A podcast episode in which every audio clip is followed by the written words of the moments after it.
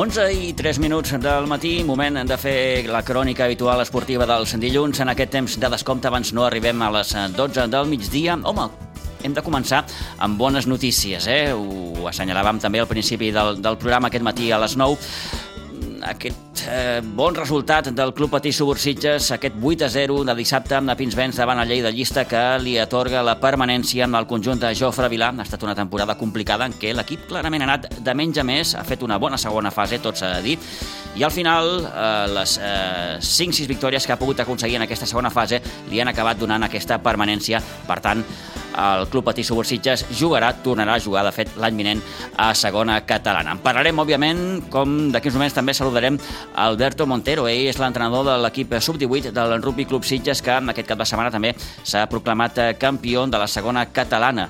Eh, el conjunt sub-18 del Rugby Club Sitges, que ha fet una temporada magnífica. A la segona fase, només una dada, ha jugat 12 partits i els 12 els ha aconseguit eh, guanyar. Eh, dues bones notícies, per tant, per començar. Parlarem també i analitzarem la jornada futbolística, bàsicament l'empat a 0 de la Unió Esportiva Sitges el passat dissabte aquí a Aiguadols davant la Fundació Atlètic Vilafranca en una jornada marcada pels empats. Els altres dos partits d'aquesta lligueta d'ascens també van acabar amb empat, per tant tot segueix igual, el Sitges conserva el liderat i els dos punts d'avantatge en respecte al segon classificat abans de la que serà i es preveu una visita complicada, molt complicada a Cornellà, al camp del Sant Ildefons. Eh, analitzarem aquesta segona catalana com també el grup 12 de la tercera catalana. Mm, Àlex Villalgordo, tècnic del Sitges B, donava per bo el punt que el Sitges B eh, va aconseguir a Vilanova del Camí davant la Noia, una Noia que es va posar amb un 4-2 i al final dos gols del Sitges B van aconseguir aquest empat a 4 final, per tant, donem per bo aquest empat a Vilanova del Camí. Repassarem com queda aquesta tercera catalana, una jornada en què ha sorprès i, i de quina manera la derrota, àmplia derrota que va patir Olivella 5 a 0 al camp de les Cabanyes. A la part alta, més o menys tot continua igual perquè el Vilanova del Camí ha donat un nou pas cap al títol i per aconseguir l'ascens a segona catalana. I en bàsquet també en recordarem que el bàsquet Sitges, sense Edu Pinheiro a la banqueta, va aconseguir una soferta victòria davant el Navàs, davant el Cué, que jugava doncs, al baixar de categoria en aquest partit. Al final, victòria 73-71 i eh, totes les mirades ja posades en el proper partit que serà a Sabadell contra el Sant Nicolau.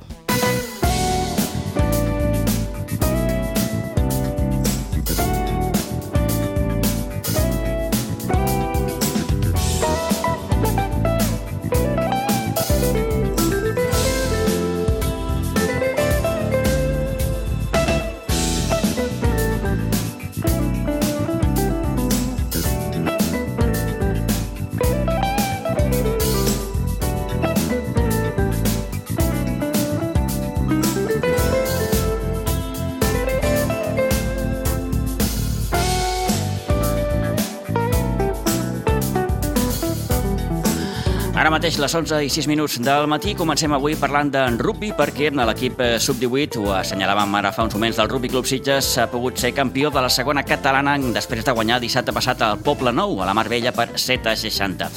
Segona fase impecable, ja que l'equip ha guanyat els 12 partits que ha disputat, només dues derrotes a la primera fase, les que va eh, patir davant el Sant Cugat, que ha estat finalment el campió de la primera catalana i també derrota amb el Buc. Eh, saludem Alberto Montero, que és l'entrenador del Sots 18 del Rugby Club Sitges. Alberto, bon dia, buenos días. Buenos días, Pitu, ¿qué tal? Eh, molt bé, eh, d'entrada, enhorabona, gran temporada. Merci, ha sido, ha sido complicado, con altibajos, cohesión de equipo, motivar martes, jueves y viernes, pero bueno, pero el resultado ha sido bueno. Mm. Es, ganar la liga ha sido como la guinda del pastel. Eh, segunda fase impecable. Sí, esta mañana me he levantado pensando en todo. O sea, ha sido, ha sido algo muy bonito. Sinceramente sí. Mucho Mm. trabajo, ¿eh? Mucho trabajo. Sí, sí. Tienen- después de vacaciones, carnaval también influye. Cohesionar todo el equipo es, es bastante complicado. Pero una, poco. és una edat complicada esta, Alberto? Sí, porque tienen muchas motivaciones externas, Ja. ya sean buenas o sean malas.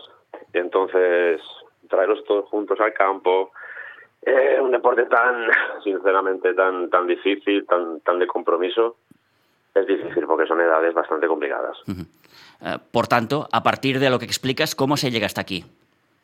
¿Cómo se llega hasta aquí? Ostras. Buena pregunta, ¿eh? sí, sí, porque sería sería largo y tendido de hablarlo. Creo que con el buen hacer, con el buen hacer del staff, yo creo que la, que la base es el staff, que vayamos todo a una. Y cuenta también que tenemos gente de varios equipos. Tenemos en conjunto al SEL de Vilanova, tenemos a jugadores de Vilafranca. De Castelldefels también. Correcto, también de, de Club y, los de casa. Y cohesionar este equipo creo que es, que es la clave.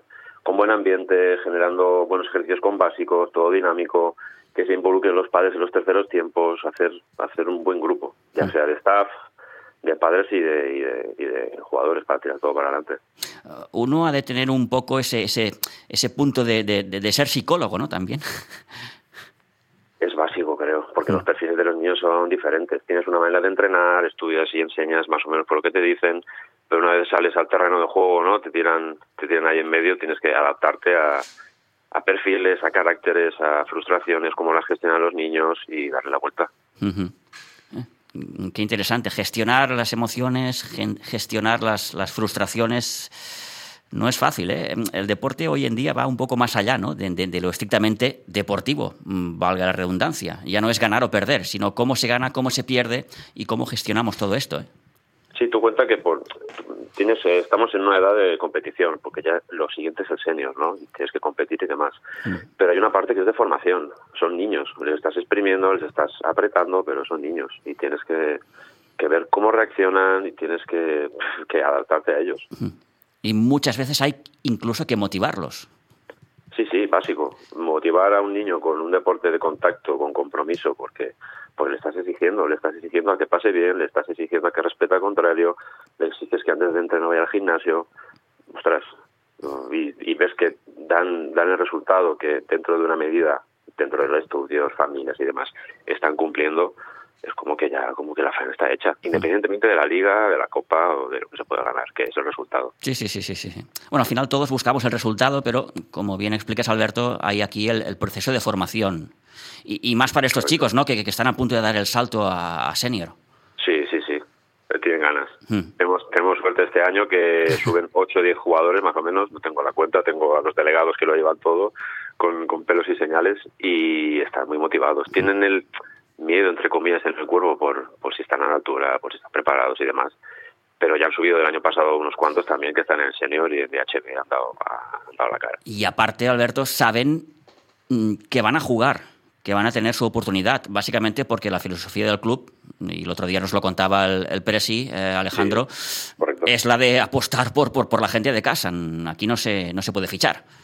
Yo creo que es lo más bonito. Hmm yo creo que lo más bonito son niños que llevan desde sub 10, sub 12 o incluso antes que van a jugar en el senior. Creo que es un logro. Creo que es un logro. Ve al campo, eh, independientemente de la tabla eh, clasificatoria de, de, HD, vas al campo y dices, hostia, son todos mis niños. O son niños de Camilo, son niños de Isaac. ¿Sabes? Son, son gente que está subiendo y se queda en el club toda la vida. Eh, qué bonito, pues bueno, esa motivación para jugar con, con el senior. Mm, lástima porque la temporada que viene tendrá que ser en División de Honor catalana. No pasa nada. Pero bueno, hay, hay el reto ese tan bonito, como nos comentaba el Presi, de, de, volver a recuperar la, la División de Honor B. Yo creo que es lo más correcto. Tenemos que dar, es lo que se dice, un pasito para atrás y dos para adelante. Tenemos que armar un, un buen equipo, que haya más gente entrenando eh, Isaac Camilo junto con, con la Junta están armando ya toda la fase de preparación de ahora, desde mayo hasta septiembre, temas de hipertrofia, agilidad, velocidad, tanto con los niños cuando acabemos todo el tema de la competición, porque todavía nos quedan dos, tres competiciones, junto con el senior. Ya estamos empezando, o sea, no, que no hay vacaciones. Tengo esa sensación, Alberto, que se está trabajando muy bien el tema formación. Mm, vuestra temporada, la del sub-14, que también ha hecho una temporada magnífica, sub-16 hay algo ahí, ¿eh? Es, eh, hicimos una, una reunión hace un par de años con la, con la Junta Nueva y nos, y nos marcaron unas, unas tablas de tiempos y demás que siempre se modifican, ¿no? Hmm.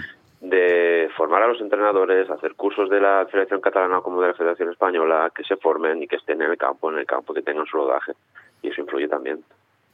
Para, que los niños adquieran conocimientos, conceptos y luego poco a poco con los años eh, van subiendo. Eh, vuelvo al equipo. Te preguntaba hace unos momentos cómo se ha conseguido, eh, sobre todo estas 12 victorias en esta segunda fase, teniendo en cuenta un poco que, aquí había un encaje de bolillos, ¿no? Eh, jugadores de Sitges, de, de Castelldefels, de Vilanova, de Vilafranca, no es fácil. Cuenta que empezamos ya el año pasado. Sí. Eh, el año pasado no teníamos equipo para competir, sub-18 como Siches. Éramos entre 13 y 17 jugadores que no daba para, para competir en una liga, porque siempre cuentas con un 70% de una plantilla por lesiones o cosas extras. Claro, claro. Tuvimos la suerte que se le estaba disponible, estaba en las mismas condiciones que nosotros, no, no es mal que por bien no venga. y los primeros cuatro o cinco meses fueron complicados, porque cada uno es de su club, cada uno es de su casa, conceptos diferentes de sistema de juego. De SEL como Felipe para poder ayudarnos, para hacerte nexo, etcétera, etcétera. Y ha sido un- poco a poco, poco a poco, picando piedra, picando piedra y analizar mucho a los niños. Ver cuándo se juntan en los terceros tiempos, cuándo celebran juntos, que sea todo un grupo. Hostia, Sí, sí. mola. Es complicado, pero. Es pero- complicado, pero, pero bueno, pero ahí está la recompensa, ese, ese campeonato de segunda, de segunda catalana. ¿Acabáis aquí, Alberto? Mm, ¿Vais a seguir entrenando? ¿Cómo, cómo queda ahora? La- Sí, la- tenemos. Esta semana nos vamos viernes, sábado y domingo a Valladolid a jugar el Campeonato de España abierto. Ajá. Eh, luego, bueno, entrenamos martes, jueves, jueves entrenamos poquita cosa. Eh, ¿Qué más, qué más? Luego, la semana siguiente, las tres primeras de mayo, jugamos Copa Catalana y estamos, estamos esperando competir con, con, los, con los de arriba. Y luego viene torneo de Seven, eh, campo, y luego ya viene un poco Bueno, más social. Pues, pues todavía os queda tela, ¿eh? Sí, por eso, luego más social, torneos de playa y demás. Sí, sí, sí, sí. Más light, más light. Sí, correcto. Muy eso, bien. es, eso es lo que tenemos. Alberto, enhorabuena eh, por eh, esta gran temporada eh, y gracias por atendernos. Que vaya muy bien. A vosotros, muchas gracias. Que vaya bien.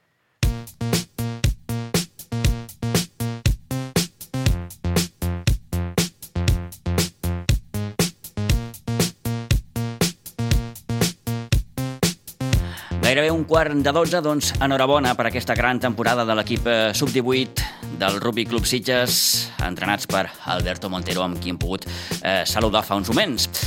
I si parlem d'hoquei patins, el titular seria, bàsicament, objectiu complert, perquè el Club Patí Subursitges s'ha pogut assolir la permanència l'any vinent, podrà tornar o podrà seguir jugant a segona catalana. La victòria de dissabte davant el Lleida per 8 a 0, combinada amb la derrota de l'Amposta a Vilafranca, ha permès als de Jofre Vilà salvar-se en un partit més tranquil, tot s'ha de dir, del que es podia preveure.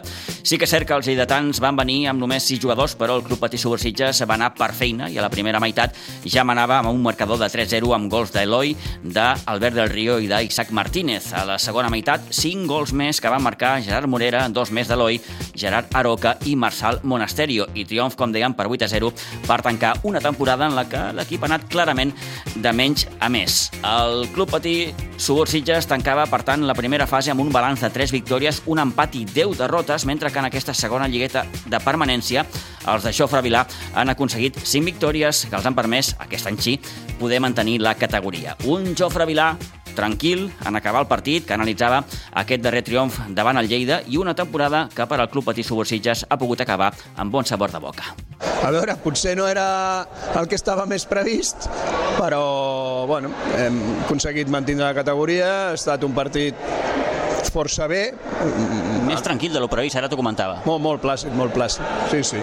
I ja des de bon principi que ells tenien molts problemes a l'hora d'atacar-se, era una qüestió de temps i a la que ha entrat el primer doncs, anat entrant un darrere l'altre, la segona part igual.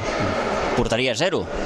És important, això també. Bueno, sí, sí, No sí. sé si aquesta temporada, ara parlo molt de memòria, no s'havia aconseguit això. No, no, jo crec que no. Jo crec que no.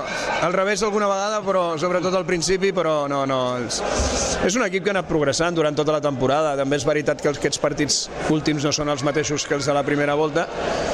També és veritat que ens ha tocat un grup segurament el més complicat de segona i després eh, els problemes que hem tingut a l'hora de fer els entrenos i... però bueno, al final hem anat creixent poquet a poquet, poquet a poquet jo crec que al final ha anat com tenien que anar, hem fet una, aquesta segona volta, si no som els primers, devem ser els segons de, del grup, que passa és que sortíem de molt avall i hem tingut que recuperar molts punts. Ara t'ho anava a dir, poc o gens s'assembla a la primera fase aquesta segona. És, és el que dic, o sigui, inclús amb les complicacions que hem tingut a l'hora de poder entrenar pe- pe- pels efectius que teníem a pista, eh, els, tots els nanos han complert, han vingut sempre, hem treballat, eh, no, no ho hem deixat mai, i el no baixar els braços ha fet que de cop es fes un clic i comencessin a jugar jo crec que molt millor, ara ja crec que saben el que juguen, ara ja és un problema de, d'intensitat, de... ojalà haguéssim pogut entrenar amb un número suficient de jugadors a tots els entrenos i haver tingut la intensitat que hem tingut, per exemple, aquesta setmana, que hem tingut tres porters, cosa excepcional que no havia passat en tota la temporada, i hem pogut suficients jugadors i hem pogut entrenar molt bé, molt bé. Què ha canviat d'aquella primera part de la temporada a aquesta segona? Jo crec que no, tot bé ja inclús des de la temporada passada. No? O sigui, és un problema de creure en el que fas i sobretot el gran problema que hagin pogut tindre de, de, de que no estàvem acostumats a jugar segons com. Uh... Una qüestió d'assimilar conceptes? Una qüestió d'assimilar conceptes i d'esperit, inclús de, de tècnica individual. O sigui, el, el, el, el problema que hi havia era que se li tenia que donar una volta com un mitjó. Al principi jo crec que no, no, no es va aconseguir assimilar, es va entrar la guerra de sempre, de que si això en vez d'allò, allò en vez d'això, i jo sempre he fet això, i a poc a poc, a poc a poc, a poc a poc, eh, també ha sigut important, eh, Eloi ha començat a fer gols, eh, encara ha sigut més important Recordo haver acabat la primera volta de la primera, de la primera part de Lliga amb tots les eh, faltes directes en contra eh, fetes i nosaltres no fer-ne cap. Sigui, això amb el hockey actual és un hàndicap. Tot això ha canviat i ha sigut gràcies a l'esforç dels jugadors de poc a poc anar treballant, eh, assimilant el caràcter i jo estic molt content perquè ara juguen, ara juguen. El problema és que a vegades, doncs, com sempre, eh, tens més sort o menys sort, hi ha hàndicaps, la setmana passada no hi havia l'Isaac, sí, coses d'aquest tipus que, que, que et modifiquen les rotacions i actualment amb el hockey eh, tot això és molt important, tot, tot és molt important. Com estàs tu? Bé, bé, bé, bé. I jo em poso en modo operatiu, que dic jo, i al final ja sé que això no és una qüestió de, de ser professional, però tots els anys que porto sóc capaç de col·locar-me amb un, amb un modo fixe i, i anar treballant. T'ha costat més el que preveies o esperaves, Jofre? M'ha costat assimilar potser el concepte Sitges com està ara. Això m'està costant molt. No, no, no m'ha costat, no, m'està costant molt perquè mm, sí, és, potser la societat en general és molt el problema de la competició i, i els valors i, i on te vas col·locant cada cosa, les preferències. Fa uns anys el hockey era molt... potser perquè no teníem una altra cosa que fer, ara potser podem fer moltes coses i, i, i necessitem passions. No? Clar, el, el, el hockey ens aporta aquesta passió quan, quan estàs alliberat, quan tens el caràcter per poder-lo expressar, quan estàs creatiu i això ens ha costat molt. Uh, jo ja et dic, jo tinc aquesta capacitat de poder-ho posar en un mode operatiu pla i ja està, però hi ha gent aquí que, que, que estic molt content de la seva evolució perquè mm, realment tenien conceptes una mica estranys, diguem-ne estranys. I, I Jofre, que important era poder mantenir la categoria pel club. Amb, suposo que hauria estat molt difícil poder confeccionar un sènior a tercera, no? Igual de difícil que segona. Sí, sí, sí perquè ens trobem que, que el, el, el, la característica d'aquest club, amb la situació que ens trobem de que no tenim categories baixes, o sigui, cada any que guanyem és, és, és posar-se una medalla. No? O sigui, estem, estem vius, sobrevivint -mos. i això ens costarà anys, anys per, per poder aconseguir que aquests nanos que estan començant i que estan treballant, que potser és el més important, els que estan començant, perquè els que estan treballant ja porten uns anys i estan aquí, però sí, a, a mig termini són els que tenen que tirar el hockey com a esport i com a il·lusió aquí a Sitges i és, és, és el que hem de mantenir. El primer equip ajuda a fer-ho, el primer equip ajuda a fer-ho, venen aquí els nois, veuen, treballen, tenen uns models de treball, unes maneres per entendre's, un partit competitiu, sempre voldria que sigués més. Ara, la, la, la idea és què es vol fer amb el Club Patí Sitges. No? Sigui, si el Sitges vol que Ara és difícil, ara és difícil perquè encara que poguessis eh, tirar més endavant amb, amb, amb un altre nivell de competició, eh, els problemes estructurals són els mateixos. Estiguis a tercera, estiguis a segona, estiguis a primera o estiguis a divisió d'honor. Un equip que no d'infantils cap amunt no té equips és molt complicat de poder estructurar. A partir d'aquí, quina idea teniu pel sènior per l'any que ve? De fet, aquest és el problema, o sigui, com que no podem inventar nois, perquè potser fer un equip sènior és molt més fàcil que fer un equip júnior que no existeix, un juvenil que no tens cap jugador. Clar, són, són nanos, joves, i que han de vindre d'un altre lloc i això és pràcticament inviable. Eh, continuar picant pedra, o sigui, anar picant pedra, potser més contents perquè ara els models de joc ja, de joc ja s'assimilen i, i tots som més feliços i ens entenem millor i i podem fer moltes més coses, però mm, continuar picant pedra. Mm -hmm. Acabeu aquí, eh, ara ho dèiem, sí. estem a finals d'abril, com aquell que diu, això acaba molt d'hora. Quina idea sí. teniu? Seguir entrenant o parar ja? I... Uh, tenim que seure i ens tenim que mirar perquè, mm. uh, clar, tots els jugadors no, som, no són professionals i, i tots tenen les seves coses, i igual molts estan a la universitat, ara tenen exàmens importants, mm -hmm no ho sé, tenim que seure, ho tenim que mirar i tenim que veure com, com ho estructurem, si baixem la càrrega d'entrenament, si les canviem, si modifiquem. Primer teníem que arribar aquí i fins abans d'ahir no sabíem que podíem arribar aquí. Ara ja hi som aquí, doncs anem a plantejar-s'ho. Et faig l'última, Jofre. En quin moment tu personalment dius és possible?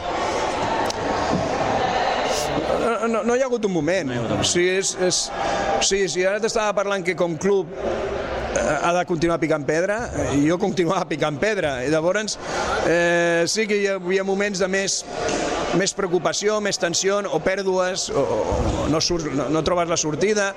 Però bueno eh, hem continuat entrenant, no ho hem deixat mai eh, hem tingut fe i, i, i ha sigut anar picant el martell, anar picant el martell fins que han sortit les, les peces no, no, no, no hi ha hagut un moment màgic. Jo crec que és un moment molt progressiu, inclús eh, sembla mentida, però a l'entrenament d'ahir estàvem pujant al nivell, o sigui, estàvem intentant introduir més coses ja que havíem arribat fins aquí, no? Està bé anar fent. Molt bé, Jofre, doncs gràcies i enhorabona no, per aconseguir-ho. Gràcies a vosaltres, perquè també heu format part d'aquesta història, o sigui, també els jugadors estan contents, eh, tot, tot, molt bé, molt bé. Gràcies, Jofre. A tu.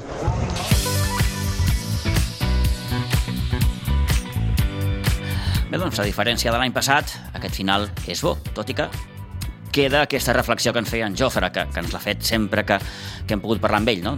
aquest desert, aquesta mena de desert que hi ha entre ara mateix l'infantil i el sènior. Hi ha moltes categories aquí enmig que no estan cobertes i que, per tant, això dificulta i molt doncs, el, el, la feina com a club sobretot quan, quan, quan, quan tens un sènior que està competint, en aquest cas a segona catalana, tot i que Jofre li, deia un, o li donava una importància relativa, mm, sigui segona, sigui tercera, sigui, sigui eh, divisió d'honor. En qualsevol cas, eh, feina feta, s'ha aconseguit aquesta permanència, que era el principal objectiu. Un altre descens mm, pel club no hagués estat ni de bon tros eh, massa bo, vaja, gens bo i per tant des d'aquí des de la ràdio l'enhorabona per tot el staff, per tots els jugadors i en definitiva per aquest club Patí Subursitges que està, com diu en Jofre, picant pedra.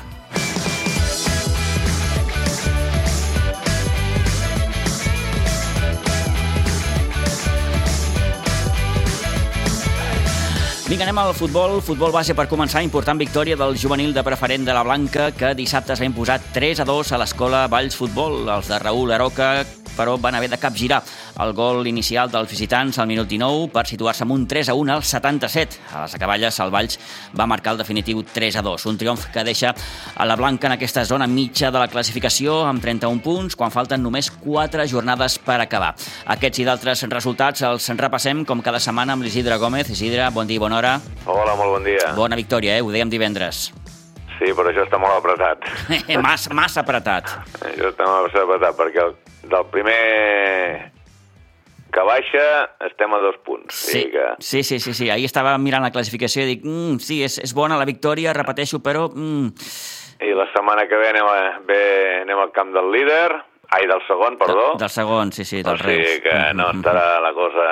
Fins al final no haurem de, seran, de suar. Seran quatre jornades eh, en què caldrà encara donar el, el do de pit. Eh, bé, mm, bons són aquests tres punts, com dèiem, davant el Valls, el oh, passat dissabte aquí al, al, al Nou Pinsbens. Mm, no sabem, Isidre, què hauria passar en el partit que va jugar el juvenil B al camp de la Martinenca?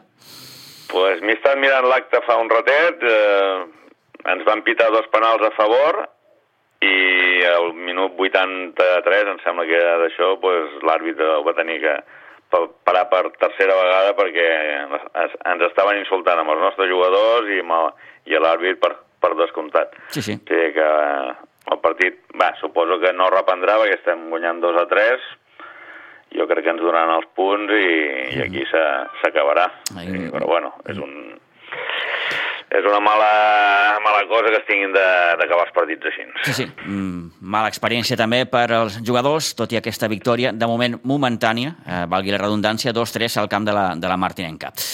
La resta, com ha anat? Doncs pues mira, el cadet va empatar 0-0 contra el Bas Olèrdula, el cadet B va guanyar 4-1 a Pinsbens contra el Sant Cugat Ses Garrigues. En categoria infantil, l'infantil de preferent va perdre 0-2 a Pinsbens contra el Castell de Felsà. L'infantil B també va perdre el, contra l'Atlètic Cubelles per 2 a 1.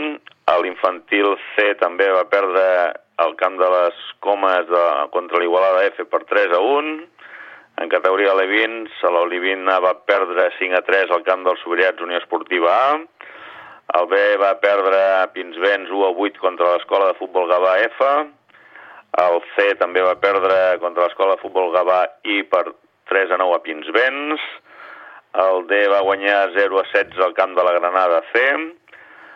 I finalment el E va perdre 1 a 2 contra l'Ètic Covelles B a Pinsbens. En categoria Benjamí, el Benjamí A va guanyar Pinsbens 10 a 0 al Ribes A. El Benjamí B va guanyar 2 a 3 al camp del Vistalegre A.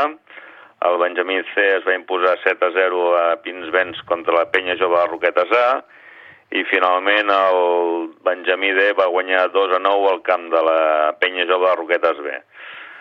Sí, els petits i els grans aquesta setmana ens han donat les alegries. Els, sí, senyor. els intermitjos ha anat així així la cosa.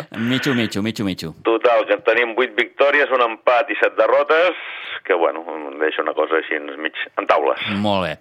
Doncs fins aquí el repàs habitual als resultats dels equips de la Blanca. Isidre, moltíssimes gràcies, bona setmana i ens eh, retrobem divendres. Moltes gràcies, adeu-siau. Adeu-siau.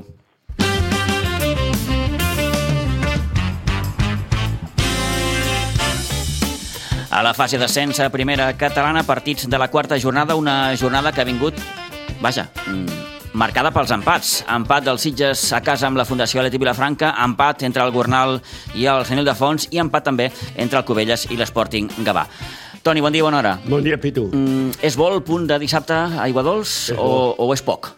No, no, és bo. És bo. És bo, és bo perquè, doncs, a, a veure, eh, se tenia el record aquell 0-4 eh, en el, un dels últims partits de la segona fase, uh -huh. eh, i això passava, no? A més a més, eh, l'equip va pensar en, en tot moment, de fet, van treballar així pràcticament tota la setmana, que era la Fundació de l'Atlètic Vilafranca que tenia que arriscar, no passar als Sitges. I així ho va fer. El, a mi me va causar molt bona impressió la Fundació, eh? és un equip que sap el que juga i la toca molt bé, però mm, cal dir que potser la millor ocasió la va tenir els Sitges en una, un gran ramat del Pasqua, eh, i era molt aviat, era el minut 12, una cosa així, quan Pasqua fa aquest remat en el que el porter llueix eh, aturant la pilota eh, correctament quan era molt difícil aturar. No va ser un partit, Toni, de grans ocasions. No, no, no. Ells, ells van tenir potser alguna arribada mm -hmm. més que els Sitges. El Sitges va tenir poques arribades, però ho va controlar bastant bé, sobretot en defensa, no? perquè, clar, eh, ho parlàvem ahir, eh, si l'equip eh, doncs, eh, acaba amb la porteria a zero, això què vol dir? Que has empatat o sí, has sí, guanyat. com a mínim tens un punt. Eh? Mínim tens, eh, sumes un punt. I era el gran objectiu, no perdre els tres punts, intentar guanyar els tres punts, però si no es podia, un punt ja estava bé. Hi ha un moment, fins i tot, abans em comentaves que Rovira, el central del Sitges, va dir als seus companys, ep, Sí, sí, Nois. sí, sí. Estava, estava ja pràcticament acabat el partit, que quedava uns 4 minuts. tampoc ens tornem bojos. I, I ell, doncs, allà els seus companys tranquils, eh? Era el treure un nau, deia tranquils, eh? eh seguim igual, eh, no ens tornem bojos, ara tenim sumat un punt. I clar, sense saber que els demés fan ja el mateix, eh? que, que aquí no guanyava ningú i que els tres equips que estan lluitant per pujar, bueno, de fet estan lluitant per pujar els sis, no? Sí, sí, una jornada eh? més es demostra, Toni, aquesta igualtat Molta igualtat, molta igualtat. I una, més has de, una vegada més es demostra allò que Toni Salido ja feia temps que ens deia, no? Que important és mm, sumar quan més punts millor a la primera fase, perquè tot això que tindrem guanyat. Sí, perquè ara pot decidir, eh? pot decidir molt doncs, el que ha sumat en aquesta primera fase. De fet, està decidint, de moment. Sí, eh? perquè, clar, ara, ara t'ho deia, ha sumat un dels últims sis als Sí, Sitges. La sí. derrota de l'altre dia a Gavà i l'empat aquest amb la Fundació. Per Sí. tant, mm, n'has deixat de sumar cinc. Sí, de fet... Però tens el coixí. De fet, de los quatre partits que, que ha jugat, eh, doncs el Sitges ha guanyat el Cubelles i els demés eh, doncs, ha empatat dos partits i ha perdut un amb l'Sporting Gavà. Ara queda aquest últim amb el Sant Ildefons, és un equip Visita molt complicat. complicada, eh? Molt complicat. Uh -huh. És jugat dissabte, i ja no és diumenge a les 6 de la tarda, és dissabte a, a dos quarts de cinc, li pot anar molt bé als Sitges a aquest horari i, a més, un Sitges que es té que mentalitzar que si es garrapa alguna cosa doncs, al Sant Ildefons donaria un pas important, perquè és l'últim partit de la primera, de la primera volta, Sí, sí.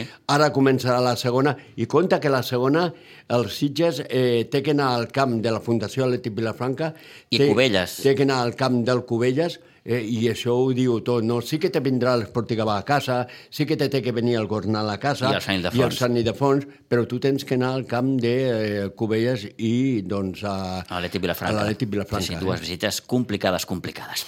Bé, escoltem Toni Salido, tècnic dels Sitges, valorant aquest empat sense gols de l'altre dia amb la Fundació Atlètic Vilafranca.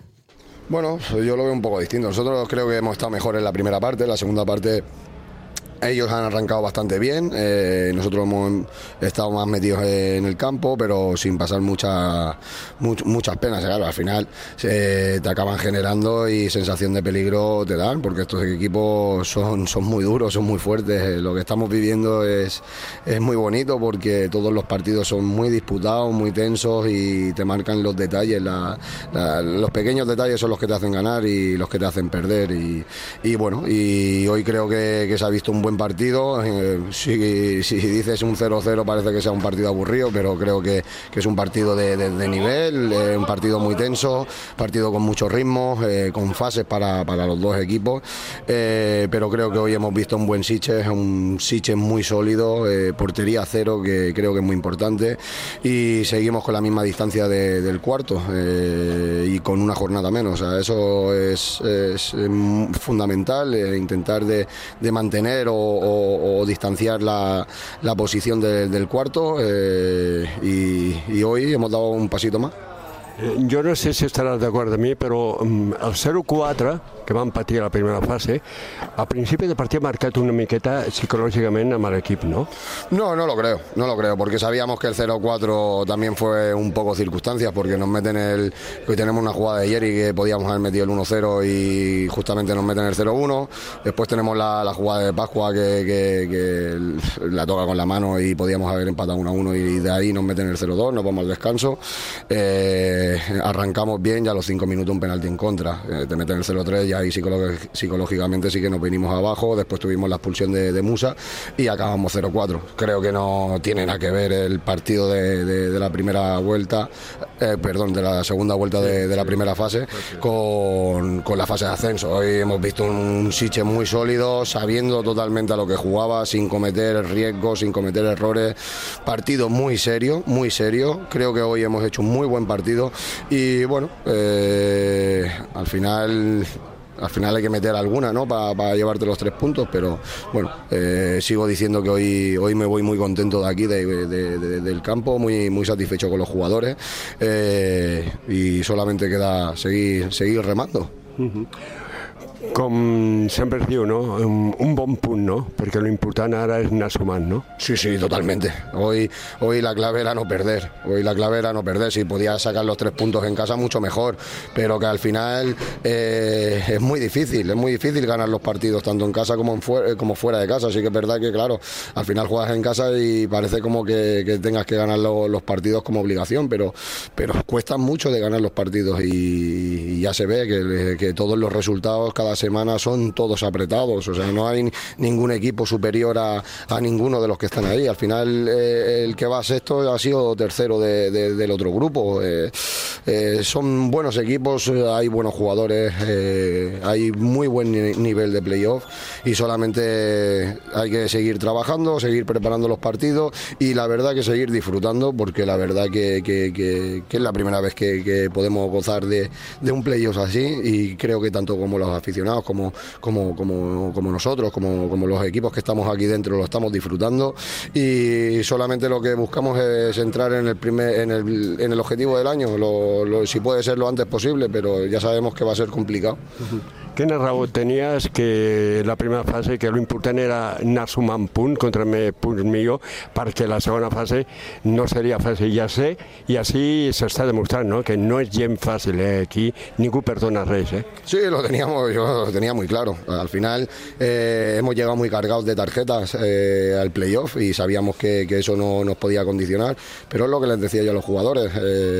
Valen los mismos puntos ganar a Espluguén, Gabá o San, San Feligüén, Peñalloba, valía Cabril, valía los mismos puntos que, que ganar al Vilafranca o a la Gornal o, o Cubella, valen los mismos puntos, entonces por lo cual eh, necesitábamos sumar cada semana. Eh, a la prueba está que la distancia esa eh, nos puede valer y, creo que nos va a valer, entonces por lo cual lo que, lo que sí que tenemos que hacer es intentar de sumar cada semana o bien empatando bien ganando, eh, intentar de, de- de preparar bien los partidos, intentar de, de que vayan pasando jornadas y, y a ver hasta dónde llegamos. Si parlem del rival avui, l'ha demostrat el camp, és un gran rival, i un rival que, que, no, que vol pujar, eh? eh com sigui, eh, la Fundació estarà apretant fins al final. Eh? Sí, la Fundación, San Ildefonso, San Ildefonso la semana pasada estuve en el campo del Vilafranca viendo, viendo el partido y, es un equipo muy sólido, que sabe a lo que juega, que, no se complica, es un equipo muy, muy serio.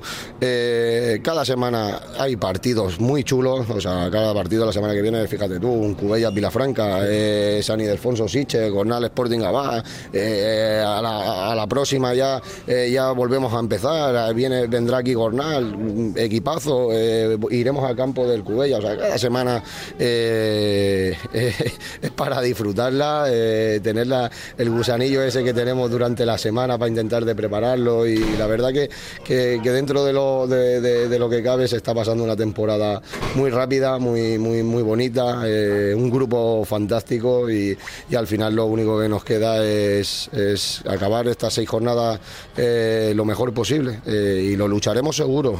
Estamos para eso, objetivo era ese, luchar eh, para llegar a, a conseguir el objetivo y, y lo haremos. una, un campionat molt maco, però amb molt patiment, Toni, eh? perquè doncs, cada partit és un, és un patiment, eh? Jo no sé com... Me imagino que la maqueta encara pitjor, eh? Bueno, es como después del partido es como, como si, si te hubiesen dado una buena paliza, ¿no? Que te baja las pulsaciones, la tensión y nada, pero esto es lo que te digo, esto no para. Eh, ahora intentar de descansar, de, de- de acabar de pasar un buen fin de semana con, con la familia y, y con los amigos, descansar y el martes volveremos otra vez con, con las pilas bien puestas para intentar de preparar un partido que va a ser también durísimo, o sea, muy duro, un rival rocoso, un, rival que sabe a lo que juega, que no se complica, que todo es balón muy directo y, y nos vamos a tener que hacer fuertes en un campo que es pequeñito, donde ellos eh, tienen jugadores grandotes, donde meterán, serán peligrosos en saque de banda, todo lo que sea balón parado será peligroso y, vamos a intentar de preparar este partido lo mejor posible.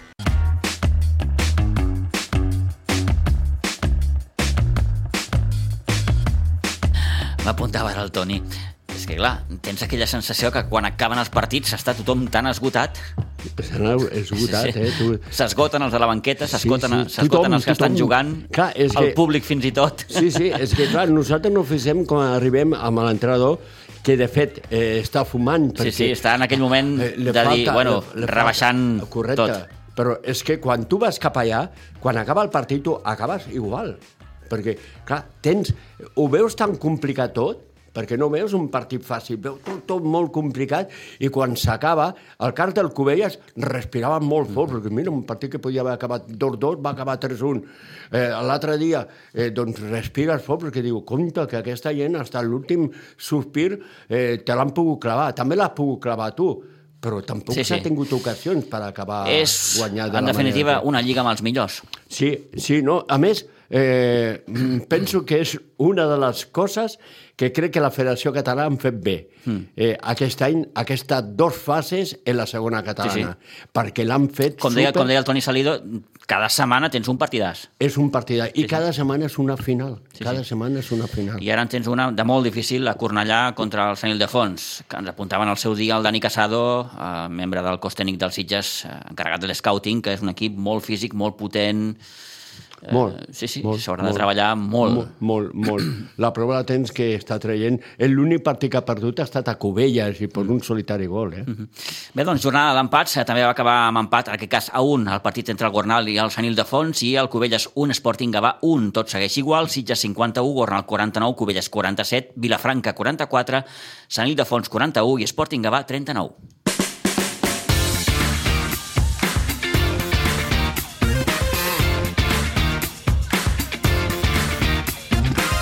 I a la tercera catalana, empat a 4 del Sitges B a Vilanova del Camí davant una noia que s'avançava molt aviat. Al minut 4, amb Gerard Fernández empatava el 25 i Joan Riera posava l'1 a 2 a poc de finalitzar la primera meitat. I- Igualava de nou la noia al 49 i es posava fins i tot amb un 4 a 2 al minut 73, però dos gols més del Sitges B, obra de Garbenito i de Max Gili, aquest darrer al 88, van deixar aquest marcador Toni en un empat a 4 Sí, si no hi van haver gols a Iguadols, sí que hi van haver fins a 8 a Vilanova del Camí amb el Sitges B. Sí, aquí van sobrar, eh? aquí van Sí. sobrar gol. Però bé, jo penso que és un molt bon empat quan estàs perdent eh, 4-2. 4-2 i acabes empatant un partit que segur que si el Sitges hagués tingut més temps potser l'hagués guanyat. I és el que jo sempre parlo d'aquest equip, que lluita fins a l'últim sospir i això li dona moltes vegades no, a aquests marcadors que estàs perdent i creus que acabaràs perdent i amb aquests Sitges no acabes perdent, l'acabes arreglant.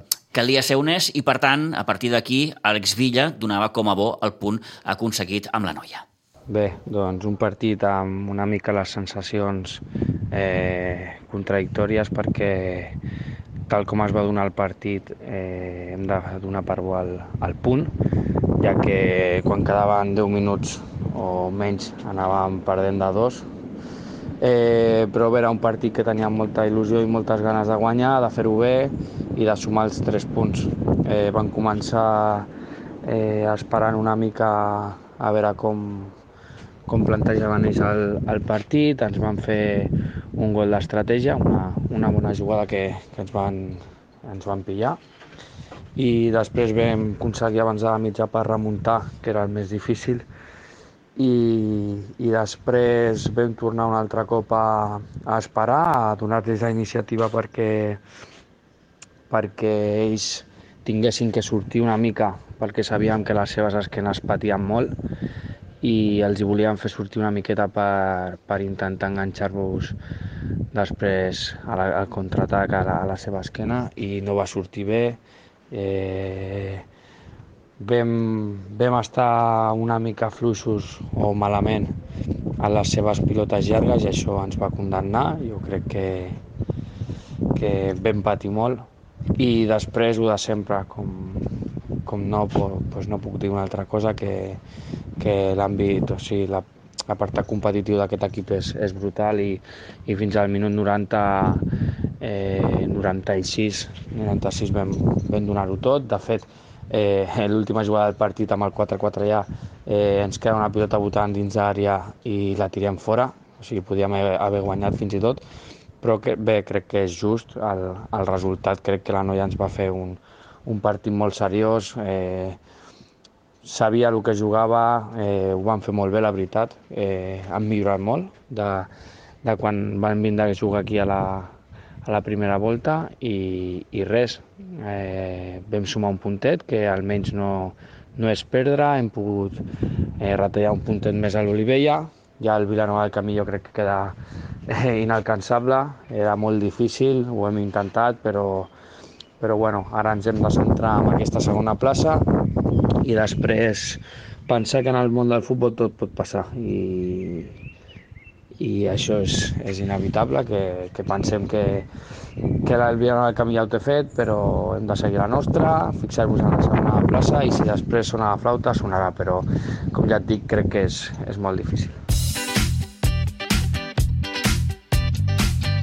Doncs gairebé donant per fet que mm, és materialment impossible poder caçar el Vilanova del Camí, que en aquesta darrera jornada eh, va tenir un partit plàcid 7 a 0 contra el Montserrat Igualada contra el penúltim classificat, però destacant sobretot Àlex Villa aquest aquest mm, esperit competitiu de l'equip, eh? i això és el que li està donant punts i resultats positius, Toni, a cap i a la fi. Sí, sí, perquè és un equip molt jove, potser li falta aquella experiència, però la lluita, eh, doncs, lluita fins a l'últim minut. I, I penso, Toni, que ara és bo, fins i tot, posar-se com a objectiu aquesta segona posició, aquesta segona plaça. I la pot aconseguir, la pot aconseguir aquest, eh, aquesta Tens un punt menys plaça. que, que, que l'Olivell, sí. has de jugar encara contra ells, sí. aquí a Iguadols... Sí, compte que el Ribas també s'ha col·locat allà, està a 4 punts, eh, si no sí, recordo sí, sí, malament. Sí, del... el Ribas està amb 53, està sí. a 3 del, a, del Sitges B. A 3 del Sitges B. Uh -huh. eh, tots dos te, es tenen que jugar encara l'Olivell a Sitges, eh, queda molts partits, poden eh, passar moltes coses, però penso que l'objectiu del Sitges té que ser mm -hmm. quedar, quedar segons. Un Olivella, Toni, que ens sorprenia aquesta derrota bàsicament per la contundència, 5 a 0 a les cabanyes. I sorprèn molt perquè en el minut 43 eh, arriba el primer gol eh, i tota la segona part és quan l'Olivella rep 4 gols de la cabanyes, tot a la segona part. I això ve a demostrar una vegada més que a aquestes alçades del campionat els partits que més costen són amb els equips de la cua. Sí, sí, perquè s'estan jugant molt, perquè les cabanyes conscient, eh, perquè està l'Atlètic Vilanova la Geltrú, que no aixecava cap, que si l'Atlètic Vilanova la Geltrú guanyava, les cabanyes ja se col·locava en lloc de descent. De moment està allà eh, doncs, amb el aigua al coll, però bé, també un Atlètic Vilanova que... Que respira una mica. Sí, eh, fitxava un jugador que havia estat jugant amb el, la penya jove i plegava de la penya jove la setmana passada i anava a, a reforçar el Vilanova. A reforçar el, Jordi, Vilanova, el Jordi Monte, Montesino i va marcar dos gols. Eh? Uh -huh. Bé, doncs important incorporació a la que ha fet el conjunt vilanoví que li ha permès d'entrada superar el Capellades per 4 a 1. Què li haurà o què li estarà passant a aquest Capellades que mm, ha tingut mals resultats últimament. Era un equip sí. que, que havia començat molt bé, sí, sí, havia... però que sembla que s'està desinflant. Sí, eh, és la pressió eh, del, del campionat, és molts partits... Eh, el Sitges B visita Capellades ara sí, aquesta propera sí, jornada, eh? per això, per això, que ara li no toca sé si al Sitges que B. potser pot aprofitar aquest moment una mica de, de dubtes. Sí, no, no serà un partit fàcil pel Capellà, No, perquè gens. el Sitges és un equip que doncs, pressiona molt, treballa molt, és un camp petit, el Sitges se pot sentir incòmode. Mm, jo penso que no serà un partit fàcil ni per un ni per l'altre. Eh? Mm -hmm. eh, ho va tenir també relativament senzill el Ribas, Toni, 6 a 2 amb la Pobla de Claramunt. Sí, la Pobla de Claramunt ja és un equip que ha Sí. perdut sí. ja certificat la categoria pràcticament i doncs el rival ho va tenir molt bé, un Martí Ferrer que eh, retornava a l'11 a, a jugar amb el Ribas perquè va patir una lesió i marcava tots gols. Ara, per tant, mm, la importància o l'interès d'aquest grup està en saber en quin moment el Vilanova del Camí es proclamarà campió i, i aquesta part baixa, no? Mm, la Pobla, el Montserrat, l'Atlètic Vilanova, les Cabanyes, eh, compte el Torrellent que no, que, no, que no es despisti massa, i si el Sitges B al final és capaç de, de- d'aconseguir el sotscampionat, que estaria molt bé. Home, estaria molt bé i espera't, eh? espera't, perquè ningú diu res, però a veure si al final el segon lloc en la tercera cadena té premi, eh? Mm. Ja veurem. Ho ja deixem veurem. a l'aire, Ningú en eh? diu res, eh? Ho deixem però, a l'aire. Però se sent ocells. Sí, sí, campanetes. Eh? Sí, campanetes, campanetes. 11 i 51.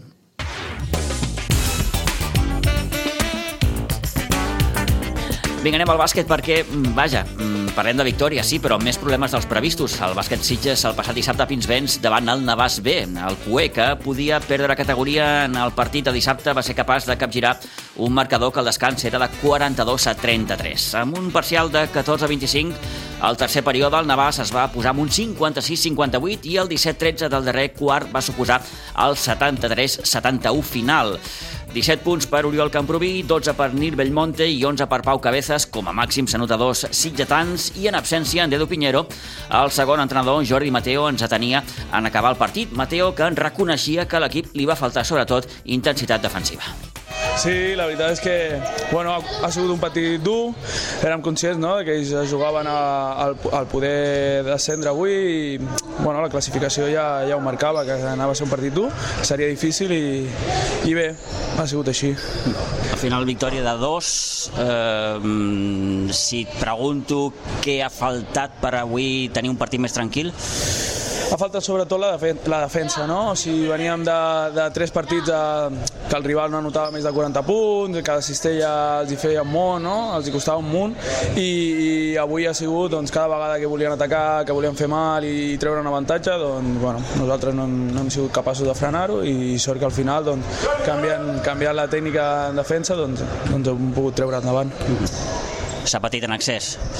Massa, massa, la veritat, no? Al final eh, és el que dèiem amb els nois, no? Que, que els partits ara mateix no hem de mirar contra qui juguem, sinó, sinó són tots importants perquè, perquè l'objectiu és clar, el, el major rival som nosaltres mateixos i, i s'han de tirar els partits endavant i els nervis passen factura en aquestes alçades de, de la temporada. Ara ho deies, l'equip havia fet una bona setmana d'entrenaments, però bé, aquestes coses passen. Sí. Per molt que es parlin i que s'insisteixi, aquestes coses s'acaben passant, no? Aquell moment de desconnexió, aquell moment de relaxació. Sí, la veritat és que a vegades, no?, uh, ho parlem, molts entrenadors ho parlem, no?, que, que una bona setmana d'entrenament no sempre és un, és un bon partit, no?, a cap de setmana, i, i sí, clar, si treballes tota la setmana, mires uh, sistemes de l'altre equip, maneres de jugar, maneres de defensar, però al final el dia del partit és un món, és difícil, no?, trobar-te en la situació, i, i sí, sí, clar, hi ha vegades que fins i tot no, una, una dolenta setmana d'entrenament és un bon partit, però bueno, avui, avui ha costat molt. I el moment, fins i tot era l'últim quart que s'han posat a un... Què has pensat allà? Bé, al final molts nervis, molta, moltes sensacions, no? La pilota crema, la passada no és correcta, comencen a sortir els dubtes. Sí, són moments difícils, no? I al final el més important, o, o almenys la, la meva opinió, és que en aquests moments els jugadors han de treure el coratge també, no? I per molts moviments que vulguis fer, o minuts, i demanar una jugada o el que sigui, al final són ells que, que ho han de deixar, han de ser lliures i, i de, també treure no? el seu to, el seu, el seu moment. Jordi, com has viscut tu personalment el partit d'avui? Bé, jo... en compte les circumstàncies. Tenia, tenia moltíssimes ganes, és, és una il·lusió tremenda, no? Jo relativament porto poc no? en, en el món d'entrenador de, i, i trobar-te en aquesta situació, no? doncs, doncs clar, que el club confiï en tu, que et doni aquesta oportunitat i que any, cada, any rere any que, que puguis gaudir d'aquest esport i, i a més portar un equip d'aquest nivell, doncs, a més lluitar per aquests objectius, doncs, felicitat tremenda, la veritat. Es nota aquell puntet més de, de, de, de responsabilitat, de pressió pel fet que avui estaves, com aquell que diu, sol al temps peligro. Sí, sí, totalment. Al final, vulguis o no, encara que juguis contra els últims, contra els segons, contra qui sigui, no? Eh, estàs en un moment que, que, que qualsevol situació, qualsevol cosa, doncs, et fa estar atents, et fa pensar-ho molt i sí, sí, la veritat. L'Edu ja sap que s'ha guanyat? Crec que no, crec que no. Crec que se li haurà d'enviar algun missatget i alguna fotito, però, però sí, la veritat és que, que ara li direm i, i segur que, que estarà supercontent. Jordi, queden tres partits. I quins tres partits? D'entrada, setmana que ve, Sabadell, Sant Nicolau. És aquest el partit definitiu? Bé, jo crec que al final el partit definitiu serà quan realment ho puguem, ho puguem veure que matemàticament tenim l'ascens. Uh, és l'objectiu que ens va marcar l'agost, un objectiu que ja portem anys arrossegant i que, i que sí o sí volem que aquest any s'aconsegueixi i, i des del primer dia fins l'últim donarem tot el que tenim per, per aconseguir-ho. Són, són, sí, són dos partits fora, Sabadell, després ve el Sant Cugat aquí, a Caio Castellet, un equip que compta que té, us ho ha guanyat aquí també. Sí, la veritat és que bueno, matemàticament podem aconseguir l'opció d'arribar a Castellet sent ja tenir l'ascens. Mm. Ens agradaria al màxim possible arribar a aquell partit perquè sí que és un, és un rival molt dur, és un rival molt intens, tenen bons jugadors i, i sí, la veritat és que si podem evitar arribar amb, amb la classificació, amb l'ascens a aquell partit, doncs, doncs millor perquè és un rival a, a tema. L'altre dia, i acabo aquí, li preguntava al Nil com arriba l'equip a aquesta fase decisiva del campionat. Ell em, em va dir que bé. Com el veus tu? Sí, arriba molt bé, arriba molt bé, la veritat. O sigui, portàvem dos partits, tant contra el Casal, que vam jugar aquí, contra l'Esparreguera, l'altre dia Esfèric també, molt seriosos, molt concentrats. I, I bé, i avui al final, moltes vegades, per ser una, un equip guanyador, també has de patir, no? I els partits s'han de treure, els resultats s'han de treure, i avui s'ha demostrat que, bueno, que encara no fer el millor joc de, de la temporada, doncs, doncs sí, s'ha pogut treure. I l'equip arriba amb moltes ganes, amb molta intensitat i, i amb, i amb ganes d'aconseguir-ho. Jordi, gràcies i enhorabona per aquesta victòria. Moltíssimes gràcies, Tito.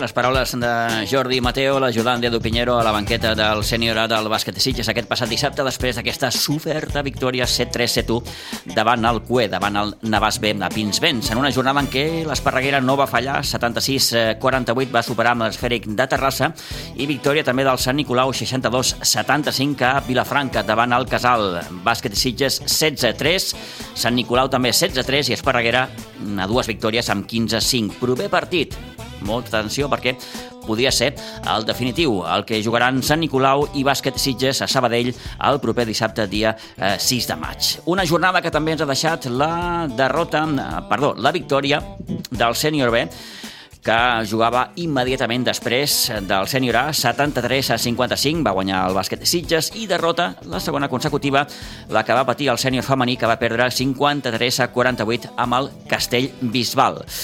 I acabem amb una miqueta de poliesportiu perquè a la Lliga de la segona divisió catalana de futbol sala. Destaquem l'empat a 3 del futbol sala Sitges davant el Sala 3 Gavà i derrota contundent la que va patir l'equip femení que va perdre 2 a 0 amb l'equip del Santo Ángel de Castelldefels. I en hoquei herba, dos resultats. L'equip de Papis, del Sitges Hockey Club, que va empatar sense gols amb el línia 22, el conjunt Sitgetà, que és líder de la categoria, mentre que les mamis van perdre 2-0 amb el Castelldefels. Aquests eh, resultats del Sitges Hockey Club ens marquen ja al final del programa d'avui.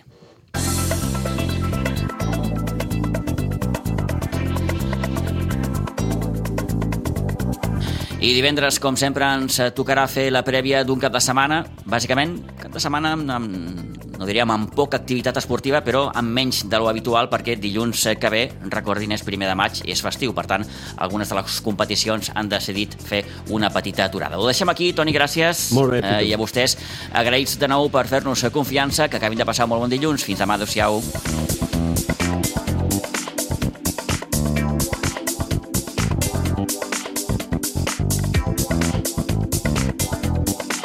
A Ràdio Maricel, cada dia, al matí amb nosaltres.